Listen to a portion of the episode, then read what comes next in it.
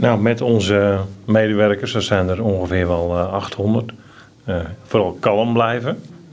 En zien dat we met dat bijltje van uh, droge periodes eerder hebben gehakt.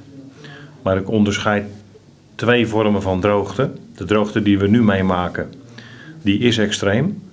Maar leidt nog niet tot de, de maatregelen die je echt gaat inzetten wanneer het een calamiteit noemt.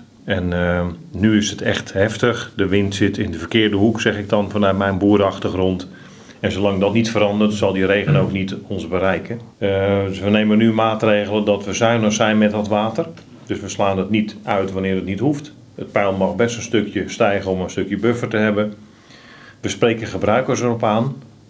Dus wij doen niet aan beregeningsverboden, maar we gaan wel vragen of ze er uh, gepast mee omgaan. En uh, op termijn kunnen we voor een keuze komen te staan dat vanuit Utrecht er een uh, bypass wordt opengezet. En dan kunnen wij onze kritische teelten bijvoorbeeld uh, blijven voeden. Denk even aan uh, boskoop, denk aan de bollenteelt. Maar ook het op orde houden van het pijl, zodat je dijken veilig blijven. Nou kan ik mij voorstellen dat er verschillende belangen zijn. Je hebt de agrariërs, je hebt de huizenbezitters, je hebt de natuur. Hoe verdeelt u de behartiging van die belangen? Hoe pakt u dat aan?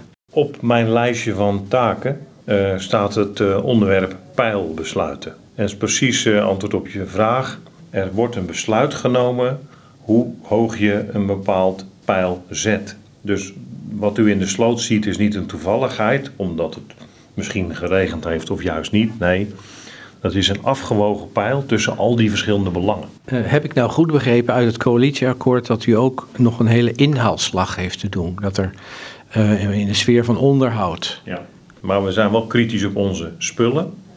En een gemaal is het werktuig om dat zojuist besproken pijl te reguleren. Dus een gemaal moet het doen. We hebben er heel veel.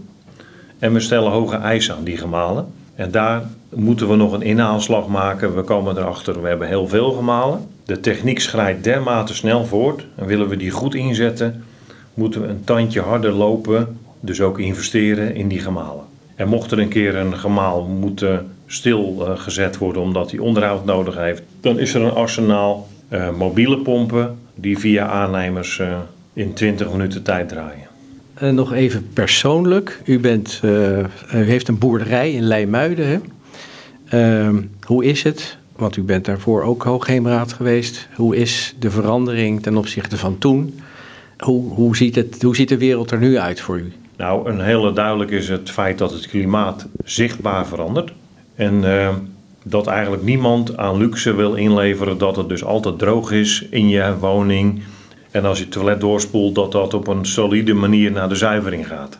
Nou, die zaken die zijn nu belangrijk, uh, maar die worden ook met wetgeving steeds meer belangrijk, omdat er steeds meer van ons vraagt.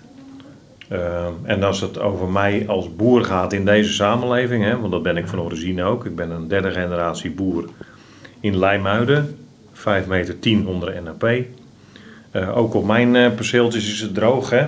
Mijn koeien eten nu de voorraad op die ik een maand geleden geoogst heb. Er is uh, nu geen groei te bekennen.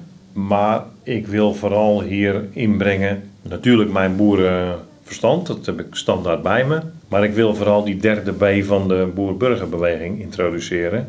Ik wil dat we met elkaar, er zijn meer partijen dan BBB, hè, maar dat we met elkaar de beweging maken.